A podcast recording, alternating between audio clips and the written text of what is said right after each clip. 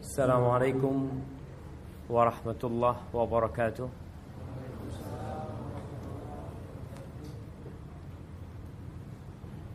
الحمد لله الذي هدانا لهذا وما كنا لنهتدي لولا أن هدانا الله Segala puji bagi Allah Masya Allah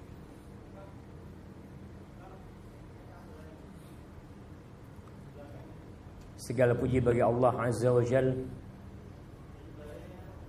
Yang telah memberikan hidayahnya kepada kita. Memberikan bimbingannya kepada kita Setelah dahulunya kita jauh dari hidayah tersebut. Kita dulu nggak tahu mana yang seharusnya kita lakukan.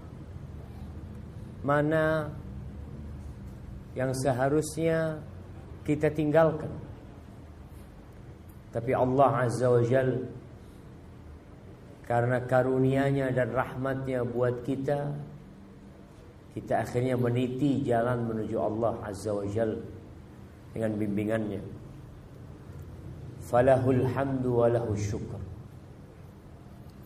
Allahumma Salli wa sallim Ala Sayyidina Muhammadin Wa ala alihi wa ashabihi ajma'in Ya Allah Semoga salawat dan salam Senantiasa engkau curahkan untuk hamba kekasih.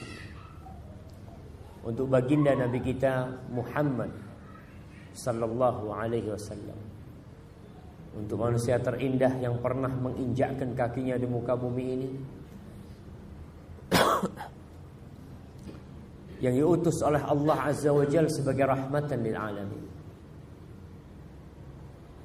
sehingga tidak sempurna iman seseorang. Bahkan dikatakan tidak beriman seorang yang tidak mencintai Rasulullah sallallahu alaihi wasallam.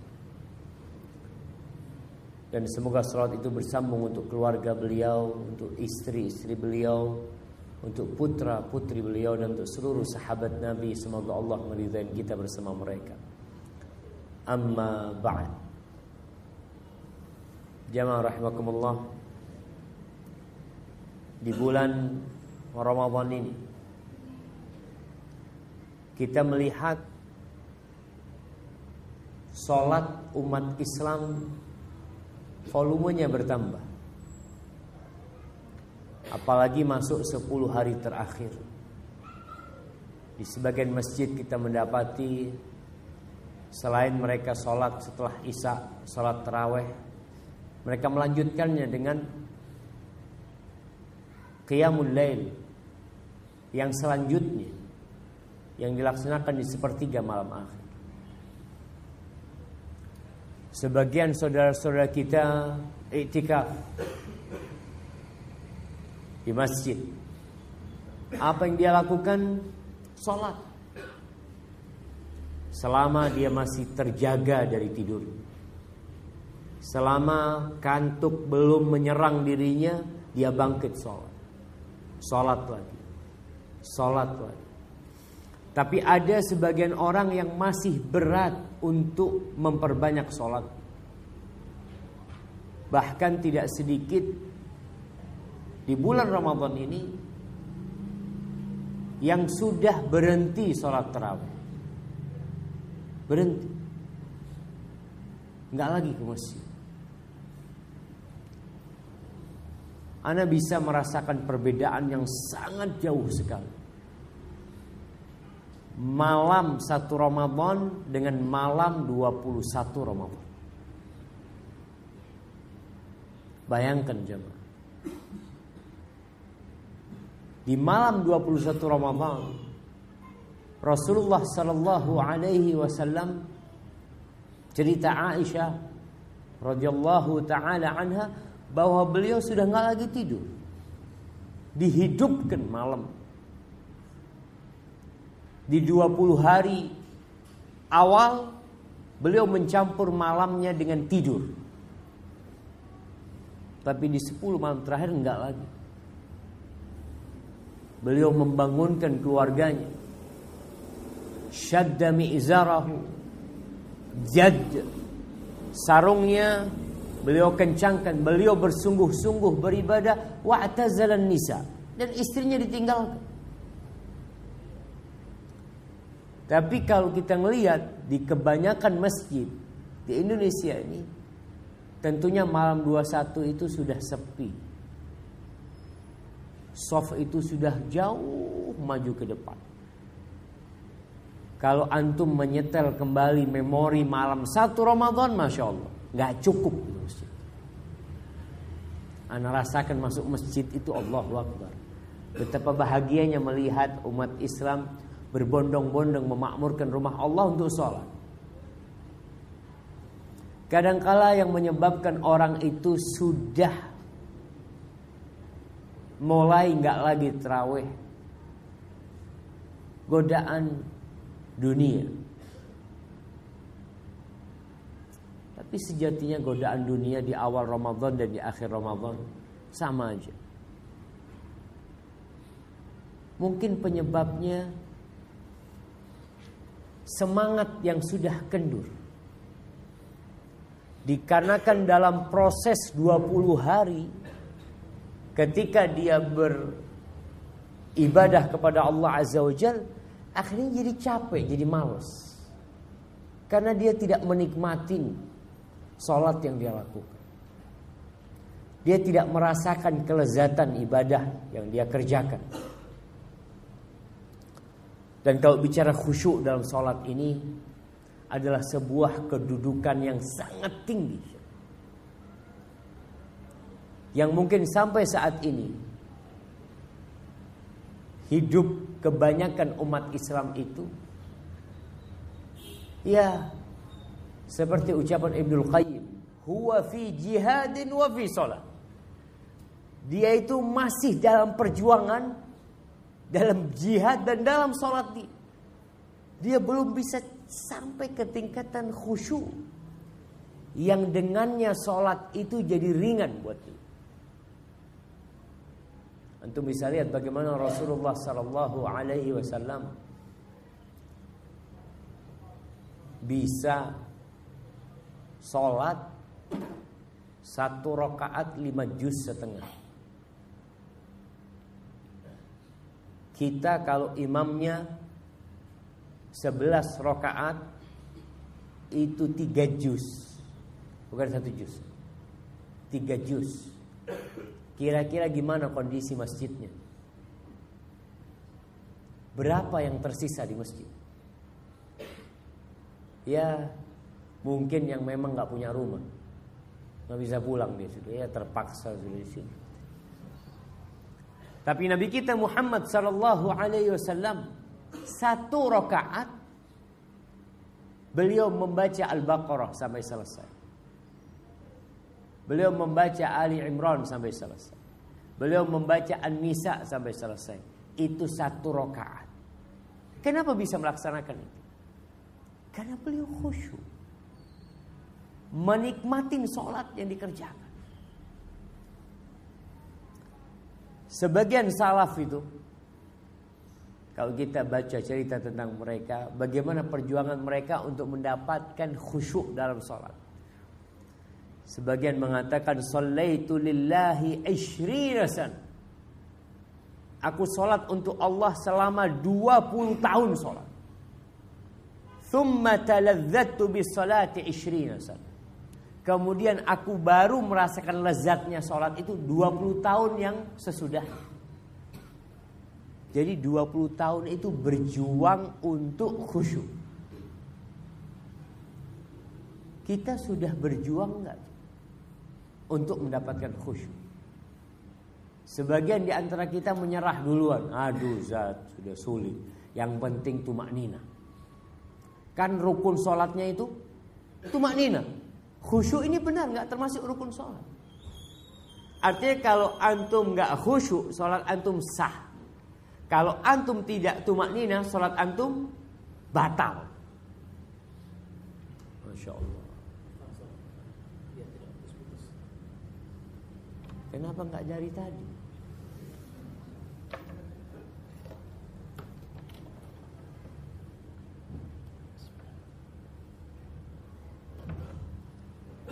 Nah, sebagian orang itu yang penting tumak nina. Sebagian orang. Tapi ada sebagian lainnya dia tidak bicara tumak nina. Dia bicara apa? Yang penting sholat. Sepenting sholat. Jadi tingkatannya itu kita lihat ada orang yang berjuang untuk khusyuk, ada orang yang penting tumak nina, ada lagi orang yang penting sholat. Kalau dikasih tahu apa kata dia sudah. Gak perlu ngomong masalah sholatnya benar atau tidak. Yang penting saya sholat. Anda berbicara silahkan untuk orang-orang yang tidak sholat diajak sholat. Nah, tapi kita tahu ada orang sholat masuk neraka. Bukan dia tidak sholat. Ya kita tahu dengan firman Allah Azza wa Jal. Fawailul lil musallin alladzina hum an salatihim sahun alladzina hum yura'una wa yamna'una al-ma'un Bagaimana supaya kita bisa merasakan lezatnya sholat ini dan nggak capek kalau imamnya panjang baca. Bahkan antum lihat di akhir waktu ini kita lihat anak-anak muda itu yang kalau sholat terawih milih masjid. Golek sing paling cepat. Nah itu dulu ya, sekarang enggak. Di mana sholat terawih yang paling paling, paling cepat di Indonesia? Di Blitar. Dan Blitar ya. Itu katanya full. Full masjid yang Indonesia. Dan yang sholat di sana itu bukan cuma orang Blitar. Orang Surabaya apa tuh. Perjalanan dari Surabaya ke Blitar itu berapa jam? Dua jam? Tiga jam. Tiga jam. Sholatnya cuma sepuluh menit. Insya. Tapi semua akan mendapatkan apa yang dia cari. Allah Azza wa Jal di surah Al-Mu'minun mengatakan qad aflahal mu'minun alladzina hum fi salatihim khashi'un telah sukses orang-orang yang beriman. Kita masuk enggak aja dalam ayat ini? Qad aflahal mu'min. Telah sukses orang-orang yang beriman. Sebagian tabi'in mengatakan kalau panggilan Allah ya ayyuhalladzina amanu insyaallah anda masuk. Tapi kalau panggilan Allah qad aflahal mu'minun belum tentu kayaknya. Anda nggak tahu. Artinya pokok dasar iman ada insya Allah di diri kita. Tapi kesempurnaan itu mungkin tidak semuanya sempurna iman. Allah ketika berbincang qad aflahal mu'minun, mereka adalah orang-orang beriman yang sudah mencapai tingkatan sempurna keimanannya. Maka Allah sebutkan di antara sifat mereka alladzina hum fi salatihim khashi'un. Siapa mereka? Mereka adalah orang-orang kalau sholat itu khusyuk. Bukan mereka orang-orang yang sholat saja, tidak. Apakah semua yang sholat di Masjid Al-Huda ini khusyuk? Sehingga masuk dalam kategori Qad aflahal mu'minun. Ya harapan. Kemudian di ayat ke-9 setelah menyebutkan beberapa sifat orang-orang yang beriman yang sukses itu Allah mengatakan lagi di ayat ke-9 walladzina hum ala salawatihim yuhafizun. Mereka adalah orang-orang yang menjaga solat-solat. Walaupun belum sampai khusyuk tapi mereka udah jaga solat. Karena menjaga solat ini adalah perjalanan menuju kepada kekhusyuan. Seperti ucapan sebagian salaf yang mengatakan 20 tahun sholat nggak dapat khusyuk. Isinya perjuangan. Allahu Akbar itu berjuang dia untuk menghadirkan hati. Berjuang untuk bisa mengikuti bacaan imam. berjuang untuk ruku dan menikmati ruku. Sebagian kita assalamualaikum tanya imamnya mau coba wallahu a'lam ada sebagian seperti. Bahkan sebagian jamaah nggak tahu berapa rokaat sholat. Jangan bicara bacaan sholatnya ya. Rokaatnya dia nggak tahu. Khususnya yang masbuk. Allahu Akbar. Tahu-tahu imamnya Assalamualaikum. Aneh ki rokaat kepiro mau. Kenapa? Karena khusyuk itu nggak ada. Maka ada banyak pembahasan para ulama tentang bagaimana meraih khusyuk dalam sholat. Di dalam sebuah kitab yang judulnya Al-Qawaidul Hisan fi asrari ta'ati wal isti'dad li Ramadan. Ini kitab yang cukup menarik tentang kaidah-kaidah indah dalam pembahasan rahasia-rahasia ketaatan dan mempersiapkan diri untuk Ramadan. Seharusnya kitab ini dikaji sebelum Ramadan. Tapi sebenarnya kapan pun kita perlu mengkaji kitab ini. Karena yang dibicarakan bukan hanya tentang Ramadan. Tapi tentang rahasia ketaatan yang kita lakukan. Hanya saja di bulan Ramadan ketaatan-ketaatan tersebut full kita kerjakan. Apa saja yang tidak kita kerjakan di Ramadan? Baca Quran di bulan Ramadan. Sebagian hanya pegang Qurannya bulan Ramadan. Bahkan setiap awal Ramadan beli Quran baru. Karena Quran yang lama tidak ketemu. Di mana sudah tahu. Awal Ramadan beli. Zikrullah kita bisa melihat. Orang di bulan Ramadan Masya Allah. Dia bisa berzikir duduk dari ba'da subuh sampai matahari terbenam. Sodakoh Masya Allah Antum bisa melihat bagaimana hati umat Islam terbuka untuk bersodakoh Donasi itu begitu cepat Wallahi jemaah kita di STDI Itu Mengadakan donasi untuk buka bersama. Sebelum Ramadan itu anak sebar donasinya. Tiga hari belum Ramadan. Ini belum masuk Ramadan. Tiga hari belum Ramadan insya Allah Itu dana sudah lebih. Kita waktu itu mengajukan donasi 450 juta.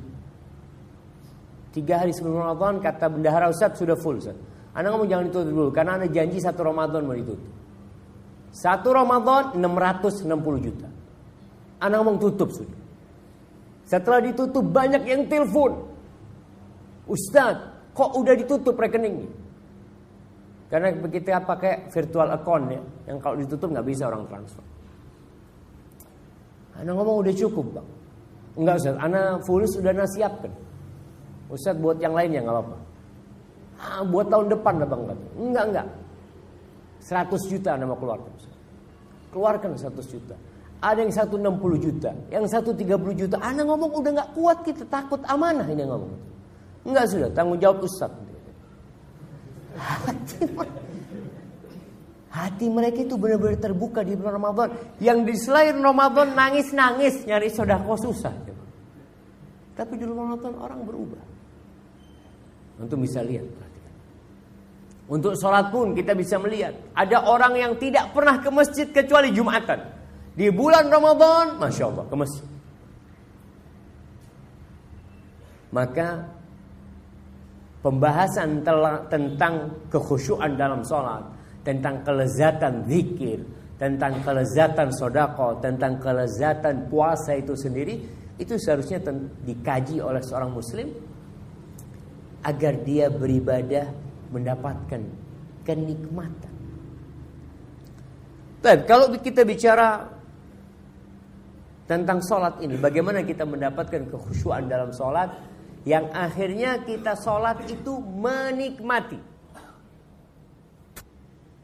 Sebagian salafus soleh arba'in sana. 40 tahun. Nggak pernah melihat punggungnya orang. Karena selalu di soft pertama. Kita berapa tahun jemaah? Nggak pernah dilihat orang. Bukan nggak pernah melihat orang, nggak pernah dilihat orang. Selalu masbuk soft terakhir. Soft ada perubahan.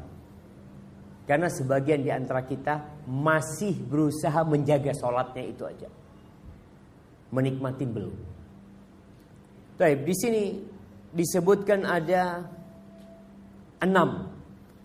Enam kata kata dia. Ringkasan dari semua yang ditulis oleh dia para penulis tentang kekhusyuan sholat. Dia berusaha untuk menyimpulkan ada enam langkah untuk mencapai kekhusyuan yang pertama adalah hudurul qalb. Hadirnya hati. Yang kedua at-tafahum. Memahami apa yang sedang dia kerjakan. Apa yang sedang dia ucapkan. Yang ketiga at-ta'zim. Mengagungkan Allah Azza wa yang keempat, al-haibah. Rasa takut yang berbalut dengan pengagungan. Yang kelima, ar-raja. Harapan yang ada dalam hati kita. Dan yang keenam adalah al-haya, rasa malu. Kalau enam hal ini bisa kita hadirkan ketika kita sholat, insya Allah antum akan khusyuk. Kemudian penulis kitab ini Al-Mu'taz Billah Abu Muhammad dia mulai menguraikan secara terperinci tentang enam langkah itu. Kalau bicara tentang hudurul qalb hadirnya hati Maksudnya adalah di mana orang yang sholat ini mengkosongkan hatinya dari selain apa yang sedang dia lakukan dan apa yang sedang dia baca. Jadi hatinya itu kosong. Yang ada dalam hatinya adalah aku sedang sholat, aku sedang membaca. Ketika antum Allahu Akbar, antum sedang sholat.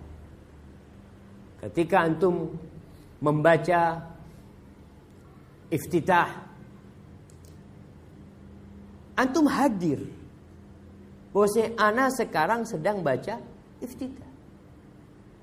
Ketika antum ruku, antum sadar, ana sekarang sedang ruku.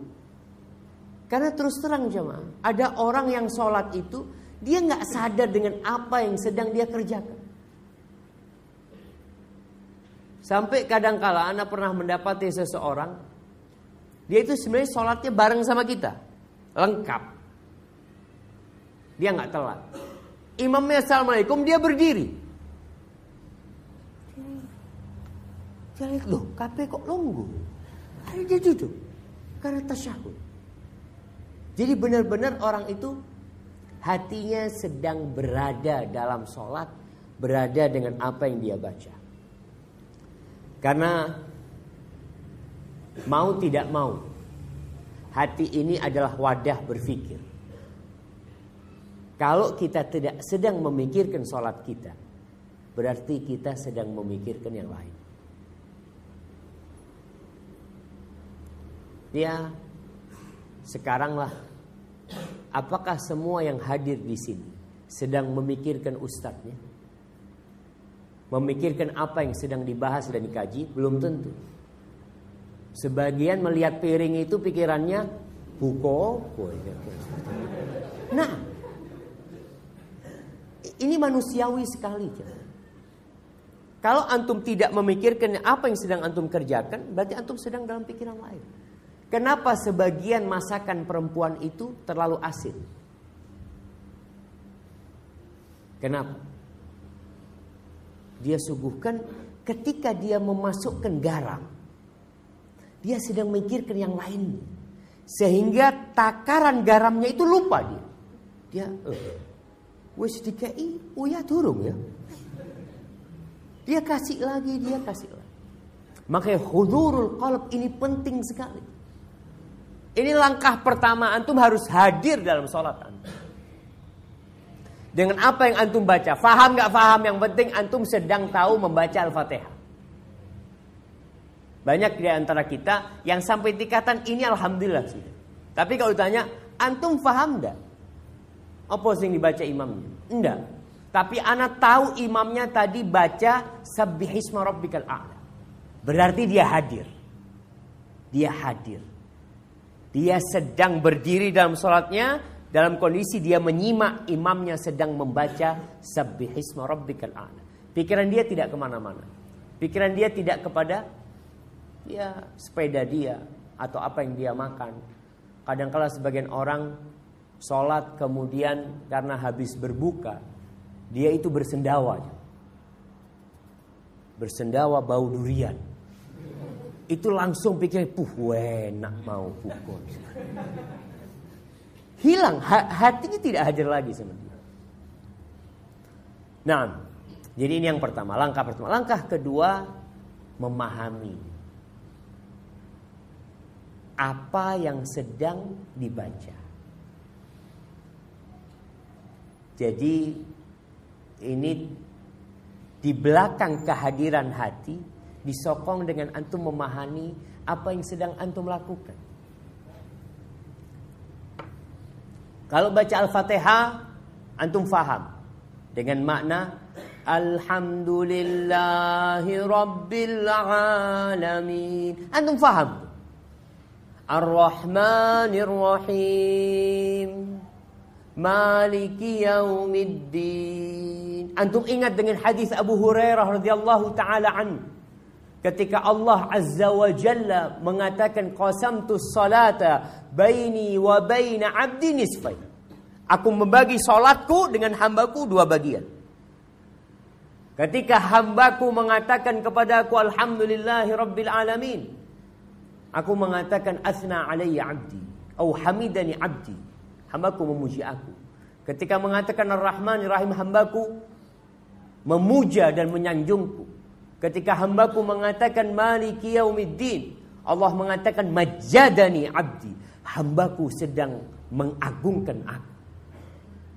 Wa idza qala iyyaka na'bud wa iyyaka nasta'in, hadza baini wa baina 'abdi.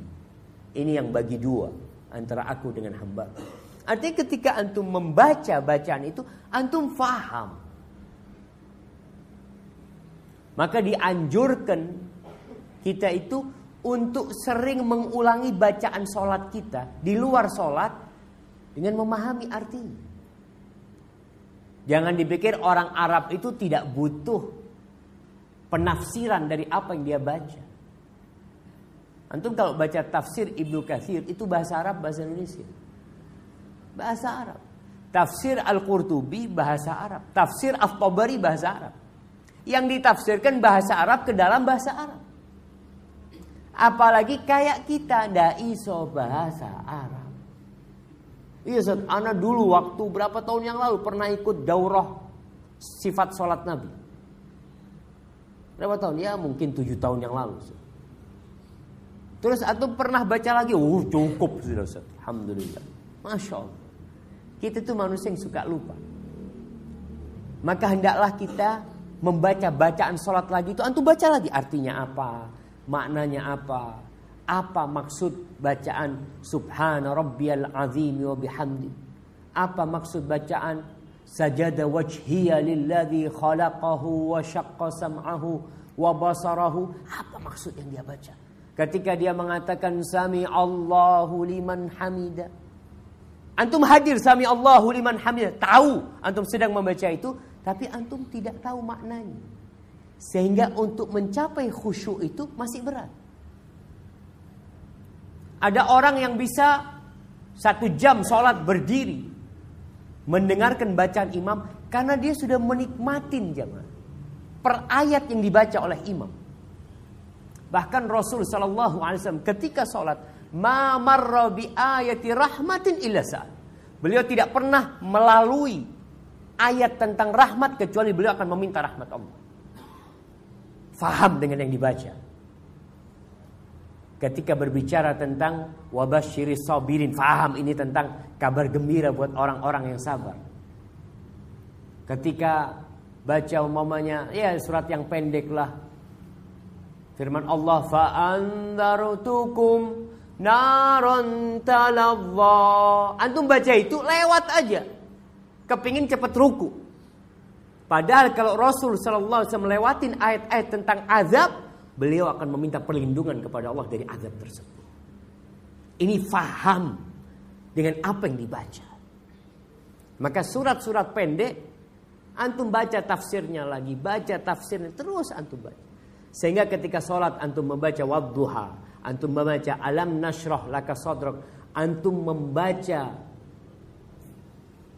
al-ikhlas, antum bisa menikmati. Itu termasuk salah satu surat yang sebanding dengan sepertiga Al-Quranul Karim. Masa bacanya cepat tanpa memaknai? Sehingga kitab tafsir itu beda-beda dalam memahami. Antum bisa melihat ada tafsir yang cuma satu jilid. Ada tafsir yang sepuluh jilid. Ada tafsir yang dua puluh jilid. Apa yang dibahas oleh As-Sa'di mungkin tidak dibahas oleh ulama yang sebelumnya, mungkin tidak dibahas oleh ulama yang sesudah. Sehingga membaca kitab-kitab tafsir atau kitab-kitab penjelasan tentang bacaan sholat itu penting untuk membantu kita khusyuk selain hadir hatinya. Maka ini menuntut kita untuk belajar terus dan tidak berhenti. Kenapa disyariatkan baca Al-Quran, hatam, ya kalau bisa tiap bulan hatam. Padahal yang antum baca itu-itu jemaah nggak ada yang baru. Tapi antum akan masuk kepada alam baru setiap kali baca Al-Quran. Antum baca tafsir Al-Fatihah hari ini. Antum baca tafsir Al-Fatihah minggu depan. Ahad depan. Atau antum baca bulan depan. Antum akan merasakan sesuatu yang berbeda. Apalagi kalau antum baca tafsir yang berbeda-beda. Tentunya tafsir Ahlus Sunnah wal Jamaah. Baik, di sinilah jamaah antum bisa mendapatkan buah dari sholat. Buah dari sholat itu adalah mencegah dari perbuatan keji dan mungkar. Ketika antum memahami apa yang antum baca. Kalau sekedar hatinya hadir, tapi tidak faham dengan yang dibaca, kadang-kala sulit kita bisa mendapatkan buah dari solat tersebut. Allah mengatakan inna salata tanha anil fahsya wal munkar. Salat itu mencegah dari perbuatan keji dan mungkar.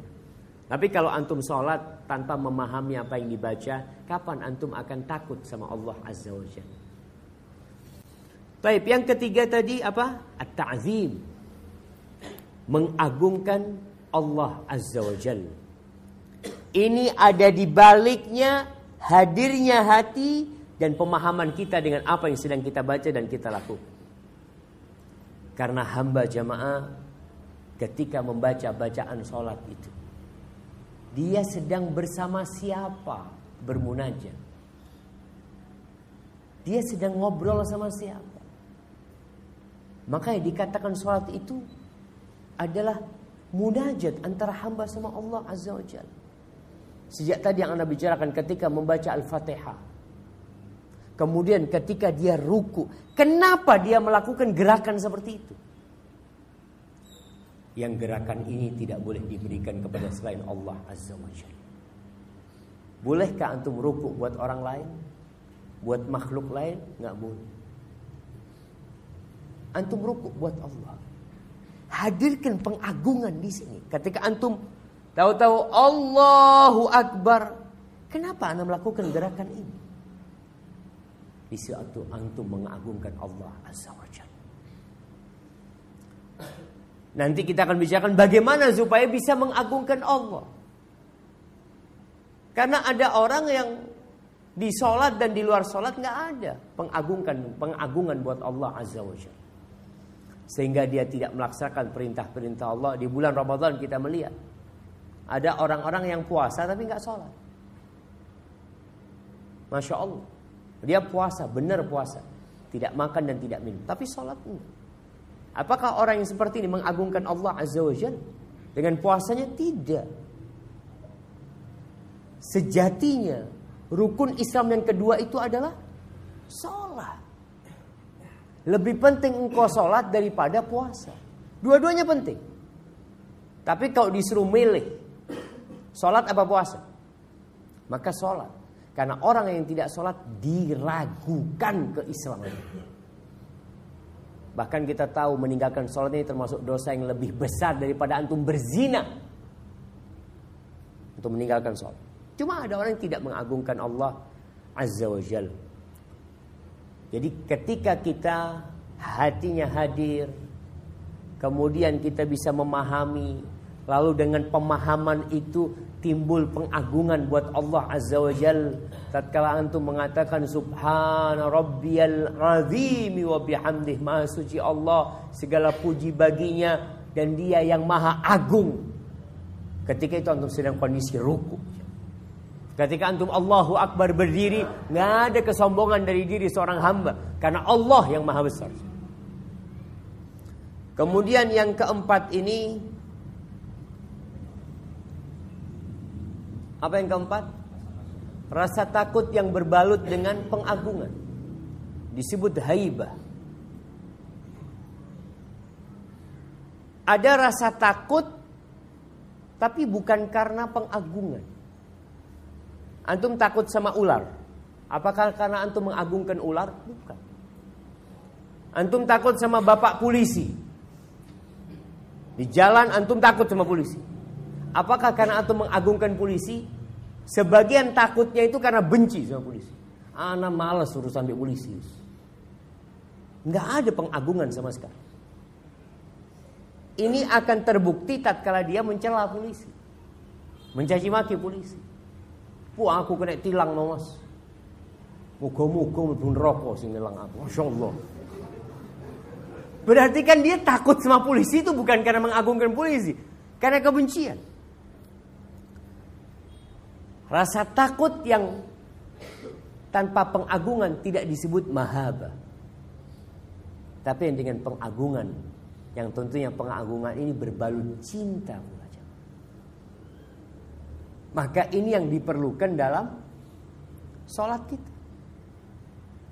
Bagaimana antum mengagungkan Allah dan takut? Ya kita tahu lah. Allah tuh tahu dengan semua yang kita kerjakan. Allah tuh bisa mengazab kita. Jangan dipikir tatkala kita berangkat sholat Allahu Akbar. Allah nggak tahu tadi antum habis mencuri. Tadi antum habis ribain orang. Tadi antum habis menyakitin orang. Habis menipu, jangan dipikir nggak tahu. Di sini yang menyebabkan sholat itu bisa khusyuk ketika antum masuk sholat dalam kondisi Allah tuh tahu aku baru saja melakukan dosa.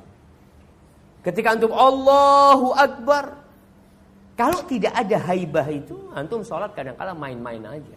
Maka itu tadi kenapa ada fawailul lil musalli.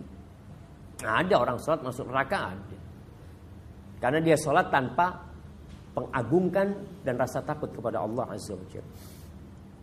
Kemudian yang kelima harapan. Jadi ibadah seorang muslim itu antara rasa takut dan rasa harap. Kalau dia hanya beribadah kepada Allah dengan rasa takut yang akan terjadi adalah putus asa. Dia aduh kayaknya nggak mungkin Allah ngampuni anak-anak dosanya terlalu banyak ya. Antum harus punya harapan. Makanya orang-orang yang berlomba-lomba menuju Allah Azza wa Jal Bagaimana sikap mereka? Mereka itu beribadah kepada Allah Allah mengatakan tentang mereka yad'unana raghaban wa rahaban. Mereka adalah orang-orang yang berdoa kepada kami dalam kondisi takut dan harapan. Istilahnya harap-harap cemas. Antum kalau cemas terus ya akhirnya malas beribadah. Seperti kisah orang yang membunuh 99 orang. Kenapa tatkala dia bertanya kepada orang yang ahli ibadah, dia bertanya, "Apakah ada harapan tobat untuk aku?" Apa jawab orang ini? Engkau sudah bunuh 99 orang mau tobat nggak ada, nggak ada tobat buat engkau. Pertanyaan kenapa orang ini bunuh orang itu? Karena dia nggak ada harapan jadi orang baik. Ya kalau aku bunuh 99 orang nggak nggak bisa diterima tobatnya, anak bunuh 100 ya sama aja. Mau bunuh 100, 200, 300, 300 sama aja nggak diterima tobat. Tapi ketika dia dikasih tahu ada harapan bahwasanya apa yang menghalangmu dari pintu tobat kata dia. Orang ini akhirnya bersemangat untuk jadi orang baik ya mak. Karena ada harapan diterima tobat. Maka dalam kondisi sholat, antum walaupun banyak dosa, takut sama Allah, tapi antum berharap. Sehingga di sini disyariatkan ketika sujud untuk banyak-banyak berdoa. Ketika duduk pun antum berdoa, Rabbil firli warhamni wajburni, terus antum minta. Ini harapan kepada Allah. Di samping antum takut sama Allah Azza wa Jalla. Kemudian yang keenam, ya, al-haya. Bahasa Arabnya malu itu haya. Rasa malu ini muncul dari perasaan nggak enak melakukan dosa tadi. Takut jelas, tapi malu yang perlu dipelihara juga.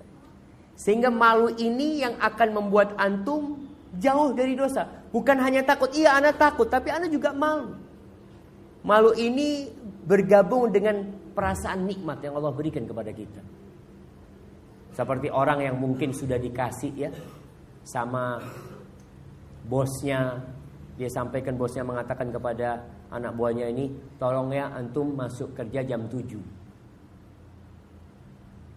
Iya bos, ini anak kasih mobil antum, anak kasih motor, anak kasih supir. Kira-kira dia telat nggak? Kalaupun dia telat, biasanya telatnya itu karena uzur yang sangat uzur. Karena dia malu. Ketemu bosnya, dilihat sama bosnya, seharusnya jam 7 datang jam setengah 8. Kata bosnya, kurang opo aku. Di situ orang sambil nundukkan pandangan, iya bos maaf bos. Tadi macet jalan. Anak udah keluar jam setengah 7. Tapi ada kecelakaan. Tapi tetap ada rasa malu. Ini yang perlu ditumbuhkan. Rasul Shallallahu Alaihi Wasallam mengatakan al haya'u minal iman. Haya itu termasuk keimanan. Beliau mengatakan kepada sahabatnya, istahyu minallah haqqal haya. Kalian malulah kepada Allah dengan malu yang sebenarnya. Kalau sahabat kita udah malu sama Allah SWT. Malu sama Allah itu bukan seperti yang antum bayangkan. Orang yang malu sama Allah itu akan menjaga perutnya, dan yang dibawa perutnya dia akan selalu jaga hal itu. Sehingga dia tidak melakukan dosa kepada Allah Azza wa Taib. Sekarang bagaimana menghadirkan yang enam hal tadi? Untuk sudah paham enam yang diperlukan. Yang pertama, hudurul qalb. Hadirnya hati. Yang kedua, at-tafahum, memahami dengan apa yang sedang dia kerjakan. Yang ketiga, apa jemaah? Apa? At-ta'zim. Bahasa Arab bila jemaah. Anak kasih bahasa Arab tadi supaya kita paling nggak sedikit-sedikit tahu lah bahasa Arab. Yang keempat,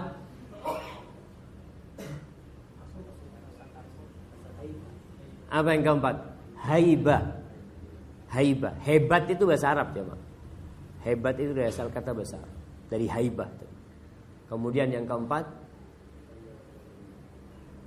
Ar-roja. Eh yang keempat. Yang kelima. Ar-roja.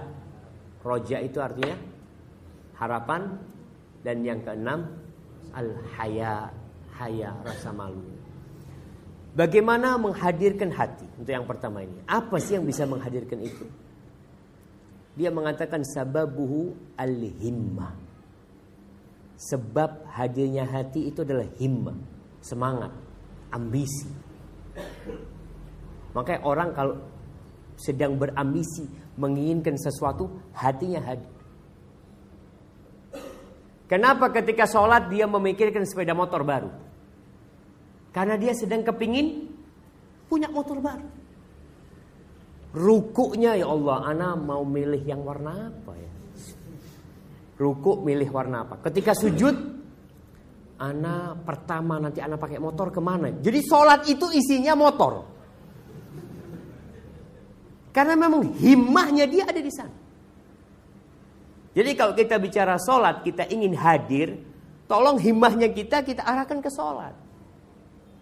Bagaimana Ustaz supaya himmah kita ke sholat? Ya Allah, kita tahu bahwasanya dunia ini nggak ada artinya.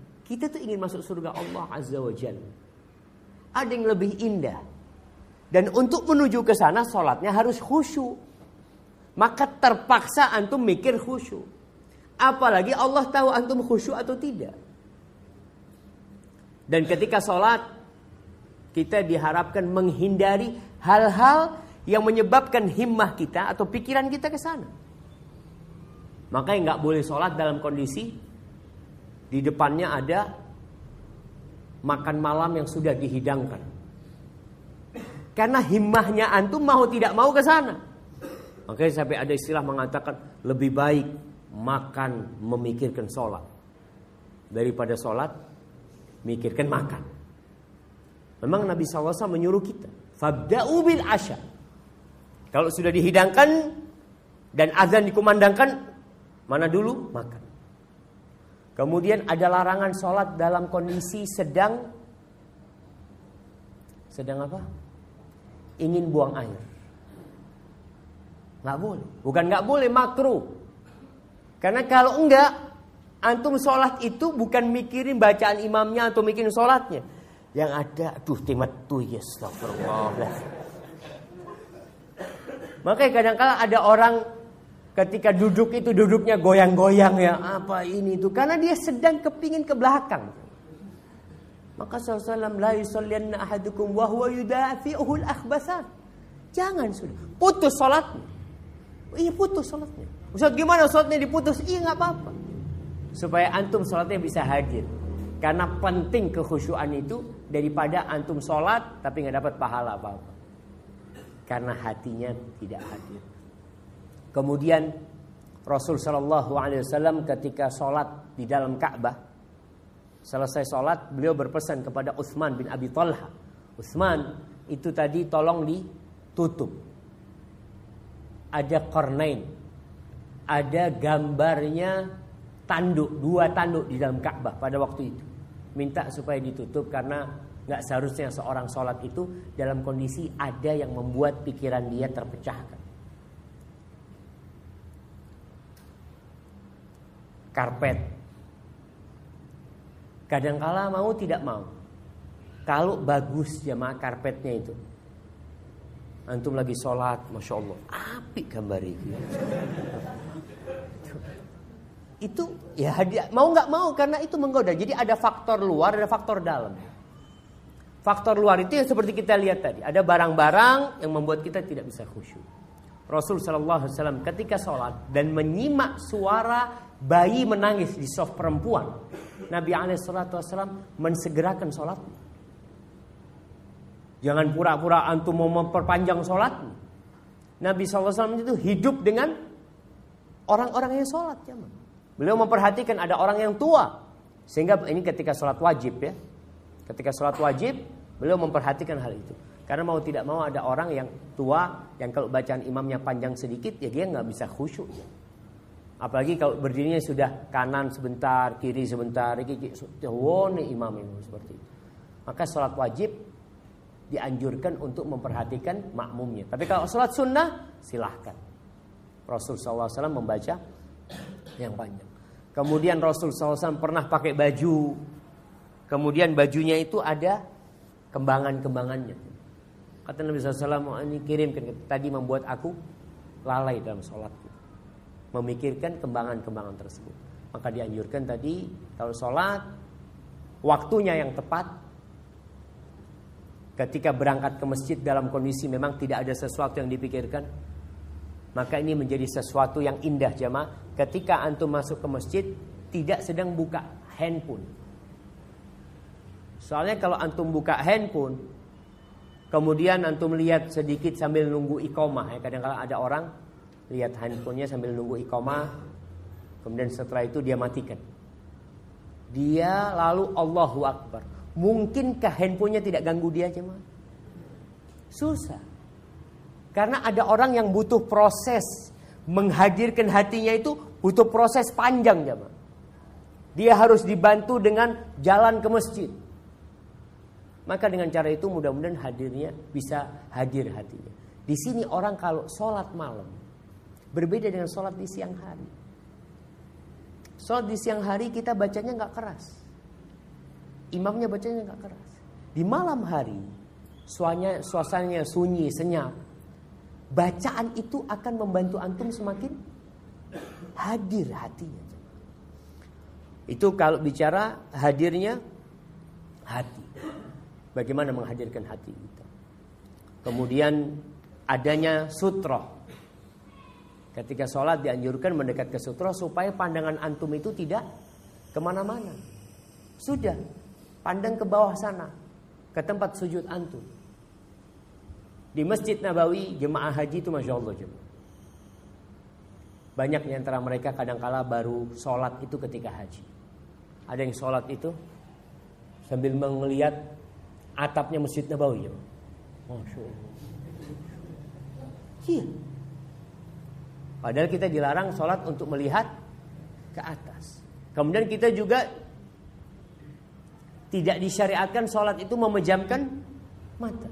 Kecuali ada kondisi tertentu. Antum sholat di Masjidil Haram, kadangkala sholat depannya antum perempuan.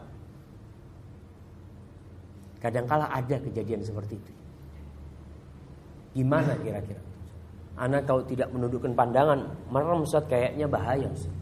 Maka ada penyebabnya. Kalau tidak ada sebabnya, kita tidak perlu menutup mata kita. Adapun untuk memahami ya Tentunya memahami ini apa yang sedang kita baca dengan belajar dan dengan terus me, meragamkan bacaan sholat kita.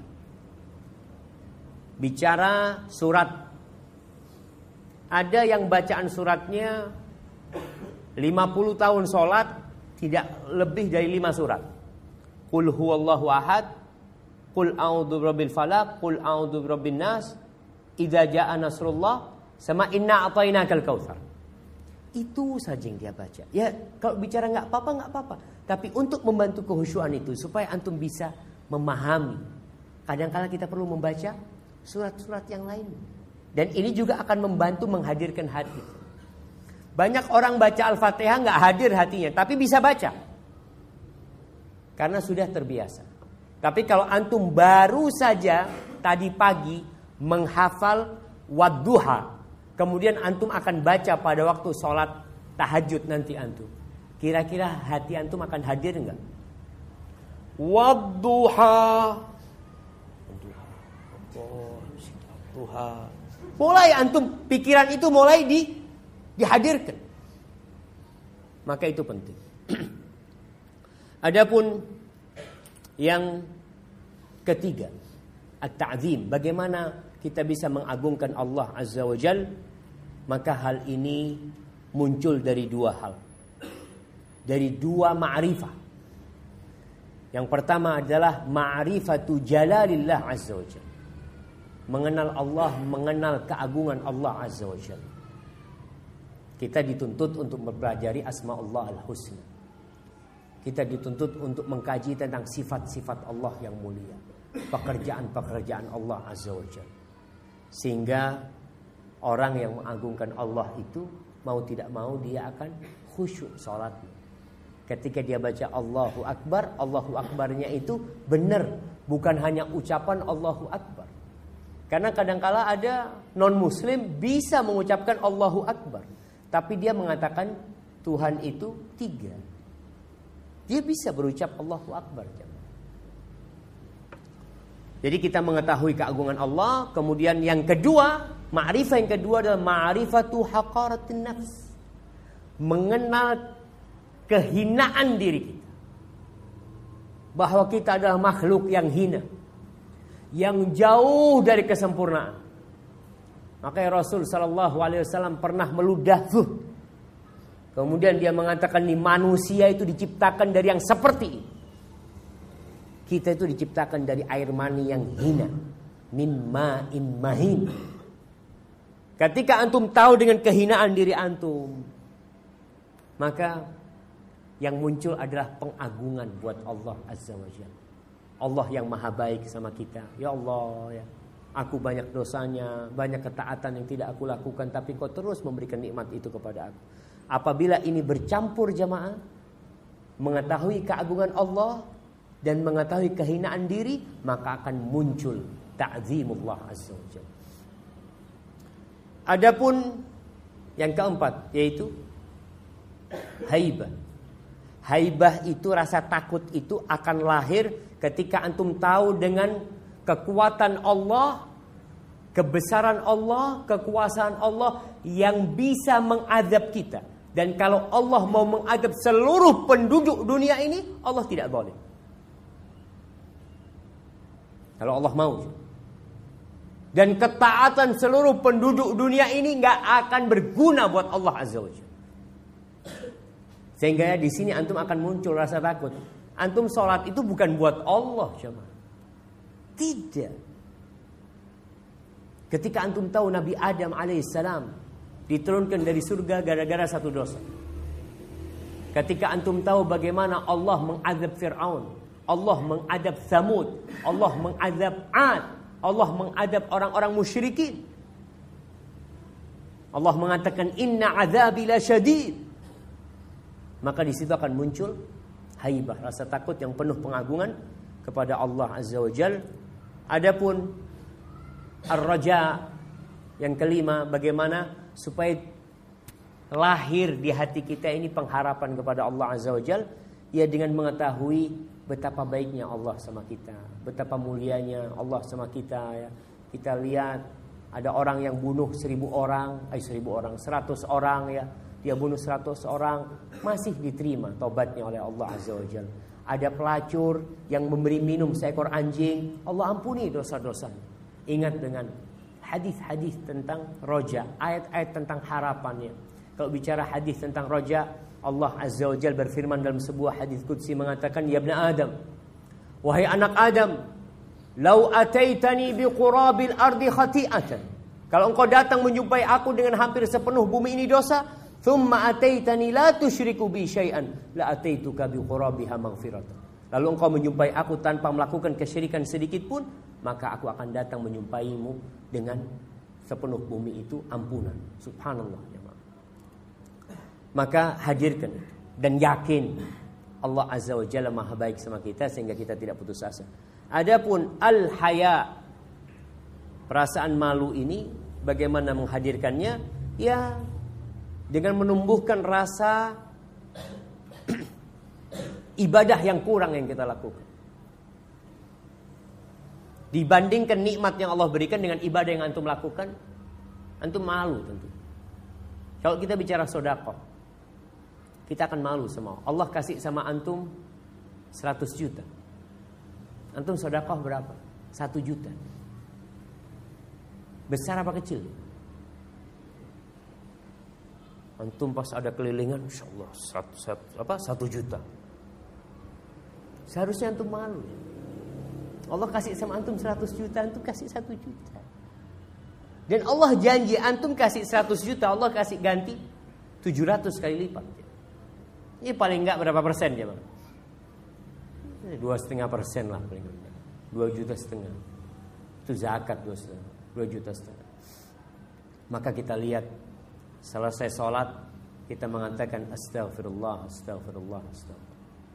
Di waktu sahur, selesai sholat tahajud ya, mendekati waktu subuh, apa kerjaan orang-orang yang beriman? Wabil ashari hum yastaghfirun. Malu mereka. Mereka istighfar. Maka ini yang akan membantu antum untuk menikmati sholat itu. Antum sedang menghadap Allah Azza wa Jalla. Makanya ketika menghadap Allah itu malu kita ya Allah. Tadi kita ruku lupa baca bacaan ruku dengan memahami arti.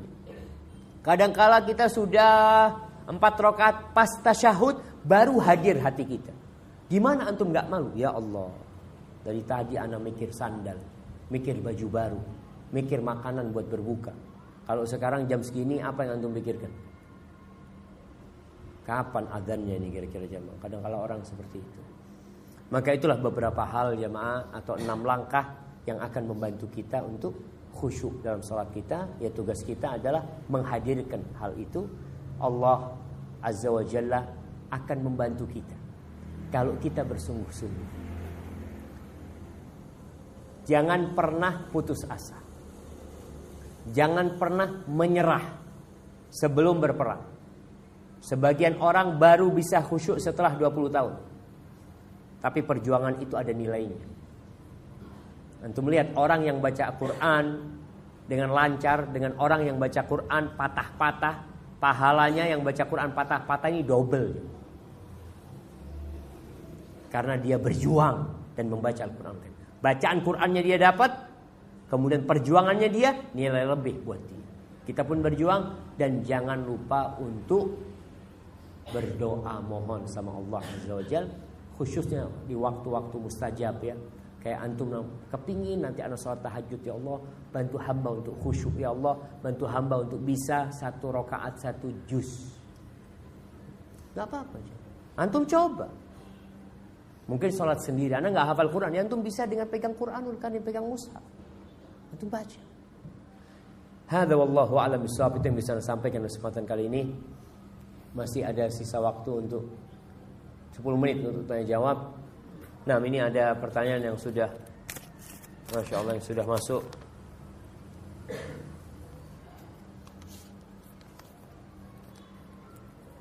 Nah, Masya Allah. Assalamualaikum warahmatullahi wabarakatuh. Ustaz, bagaimana sunnah yang benar mengenai berbuka puasa? Apakah kita harus memakan dulu apa yang sudah dihindarkan sebelum sholat? Naam jemaah. Rasul Shallallahu Alaihi Wasallam itu kalau sedang berpuasa kemudian masuk waktu sholat maghrib, beliau itu aftara, beliau berbuka dulu sebelum sholat. Beliau berbuka kalau ada rutop kurma yang masih muda setengah matang itu beliau berbuka itu. Kalau nggak ada, beliau berbuka kurma yang kering. Kalau nggak ada, beliau berbuka air. Kalau kita semuanya dimakan. Jadi waktu berbuka itu kurma muda ada alhamdulillah. Air ada, kolek ada, gorengan ada. Jadi mau sholat aja antum sudah penuh perut. Dan salah satu yang membantu orang khusyuk itu ketika perut tidak kenyang. Antum tidak terbebani dengan perut antum, tapi ada isinya. Kalau terlalu lapar biasanya juga nggak khusyuk. Tapi kalau antum sudah makan kurma, mulai dengan makan kurma dan minum air. Insya Allah antum berangkat ke masjid tidak terlalu lelah. Dan godaan berbuka itu sebenarnya bukan perut, tapi godaan mata. Perut antum dikasih tiga butir ur kurma, dikasih minum air satu gelas, cukup nggak jam? Cukup. Ya nggak cukup apanya? Matanya. Nggak cukup. Ya barakallahu fikum. Waalaikumsalam warahmatullahi wabarakatuh.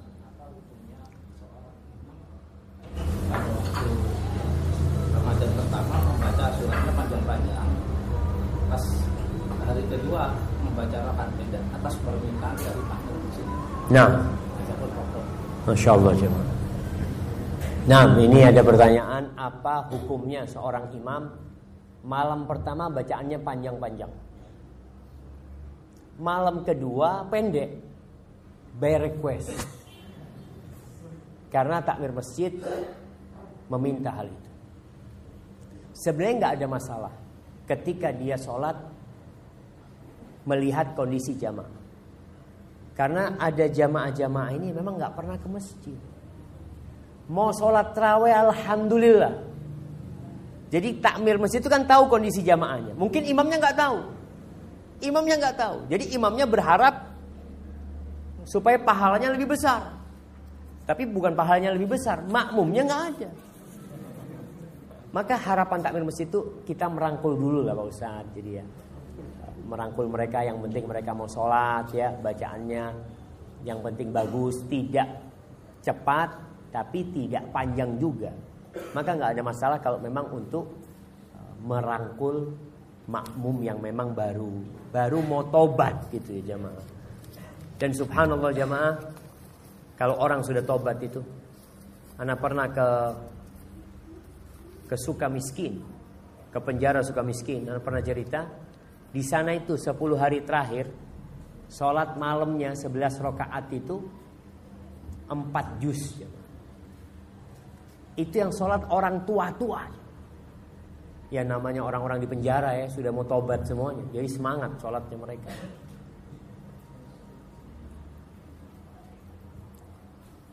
Nah, bismillah bagaimana jika kita lupa duduk iftiras dalam sholat dan ingatnya ketika sudah berdiri. Iftiras. Duduk yang mana ini? Apa duduk istirahat? Duduk setelah sujud sebelum berdiri. Nggak ada masalah jadi. Jadi kalau orang itu dari sujud kemudian dia nggak duduk istirahat, dia langsung berdiri pun nggak ada masalah. Tapi dia duduk pun nggak ada masalah buat dia itu jadi sunnah buat dia dan berdiri pun itu dilakukan. Barakallahu fiik. Ustaz, ana seorang akhwat. Bagaimana caranya seorang akhwat mendapatkan Lailatul Qadar meskipun tidak ikut iktikaf? Iktikaf ini bukan syarat mendapatkan Lailatul Qadar. Artinya iktikaf di masjid. Rasul Shallallahu Alaihi Wasallam mengatakan man qama lailatul qadri. Barang siapa yang bangun pada malam Lailatul Qadar, beribadah kepada Allah Azza wa Jalla, tentunya salat yang utama di situ. Imanan wahtisaban dengan catatan karena iman. Bukan karena keraguan yang ada pada dirinya ihtisaban karena ada harapan pahala dari Allah Azza wa Jal. Apa yang akan terjadi? Ghufira lahu ma taqaddama min. Allah akan ampuni dosa-dosa dia yang lalu. Hanya saja kalau iktikaf lebih maksimal ibadah dia. Bagi wanita di rumah pun dia bisa. Di tempat sholat dia, di musola dia, dia hamparkan sejadah. Di malam hari dia terus berzikir walaupun dalam kondisi datang bulan dia tidak berhenti untuk beristighfar mohon sama Allah Azza wa Jal, baca doa. Allahumma innaka afun tuhibbul afwa fa'fu anni baca terus. Maka ini semua insya Allah akan membantu dia untuk mendapatkan Lailatul Qadar. Tidur sebentar capek, pasang alarm, bangun lagi. Sebagian mungkin tidur. Anak capek Ustaz, anak habis isya mau tidur sebentar, tidur. Nanti jam 10, jam 11 bangun. Ngantuk masih Ustaz, bikin kopi. Betul jemaah. Kita perlu apa saja. Antum lihat orang-orang yang perlombaan itu. Yang ingin meraih sesuatu. Itu digenjot jemaah. Ada pelatih. Ada yang mengatakan makanannya diatur. Kamu harus makan ini. Ini protein, ini energi, macam-macam seperti itu. Maka kita pun tatkala mencari Lailatul Qadar, nggak apa-apa. Antum siapkan satu termos kopi, Kemudian satu apa temannya kopi ya bang? Gorengan, Allah. Akhirnya makan sambil minum kopi nggak sholat sholat ya nggak itu membantu itu membantu. Itu membantu. Nggak masalah seperti itu. Artinya kita perlu dan perlu saling mengingatkan. Kita maunya ingatkan kalau kita eh besok malam 23 usahakan kita cari. Nah, kemudian Ustadz di masjid tempat anak iktikaf ada Di masjid tempat anak iktikaf ada dua kali sholat terawih di awal malam dan di akhir malam. Apa kita harus ikut salah satu saja? Antum ikut dua-duanya. Ikut dua-duanya. Kenapa ikut dua-duanya? Karena antum ada di masjid ketika itu. Masa orang sedang sholat antum duduk? Bahkan sebagian orang tidur. Bicara tentang jumlah sholat terawih pendapat jumhur ulama dan pendapat yang sahih bahwasanya sholat malam itu tidak ada batas. Antum mau sholat sampai 71 rakaat nggak apa-apa. Umpamanya antum sejak ba'dal isya antum iktikaf di masjid habis terawih, orang pulang terawih, antum nambah sholat dua rakaat. Kemudian antum berzikir baca Al-Quran. 10 menit kemudian antum untuk sholat dua rakaat lagi. Kemudian sholat, sholat terus sampai antum nanti ketemu sholat malam lagi. Nggak apa-apa. Itulah ada riwayat-riwayat sebagian salaf sholatnya 100 rakaat dalam sehari semalam. Sejatinya ada sholat sunnah yang mutlak yang boleh dikerjakan. Dan waktu sholat malam itu memang dari ba'dal isya sampai fajar terbit sampai waktu subuh. Silakan antum sholat. Nah, lain jika ikut di awal waktu dapat apa boleh sholat tahajud di akhir malam? Boleh, artinya tadi anak harapkan yang iktikaf jamaah untuk untuk sholat dua-duanya di masjid tersebut. Hanya saja yang tidak boleh itu witir dua kali. Kalau antum melihat di masjid itu ada witir yang saat terawih ba'dal isya nanti juga ada witir lagi, maka ketika imamnya witir ketika terawih, imamnya assalamualaikum, antum nambah satu rakaat. Antum tidak niatkan witir, karena antum mau witirnya kapan? Nanti di akhir malam. Ustaz jika ada seorang wanita yang meminta cerai dan suaminya setuju juga Maka masa idahnya dilakukan saat kesepakatan bersama atau saat talak dari hukumah atau persidangan yang mengatakan tolak. Jadi kalau ada perempuan minta cerai dan lelaki itu mengiyakan dan perempuan ini membayar, sudah selesai. Sejak saat itu dimulai masa idahnya, tidak menanti keputusan dari pemerintah. Tidak menanti keputusan dari pemerintah. Itu untuk mendapatkan surat cerai harus menanti dari keputusan dari Khalas ya. Intahal waktu. Masya Allah waktunya sudah habis ya ma. Insya Allah ada sedikit waktu mungkin untuk berdoa memohon kepada Allah Azza wa Jal. Hada wallahu a'lam bissawab. Apabila yang anda sampaikan benar itu dari Allah Jalla Jalaluh. Kalau ada yang salah dan kurang berkenan, anda mohon maaf itu dari diri anda sendiri. Allah dan Rasul terbebaskan dari kesalahan itu. Wassalamualaikum ala nabiyina Muhammadin wa ala alihi wasallam. Wassalamualaikum warahmatullahi wabarakatuh.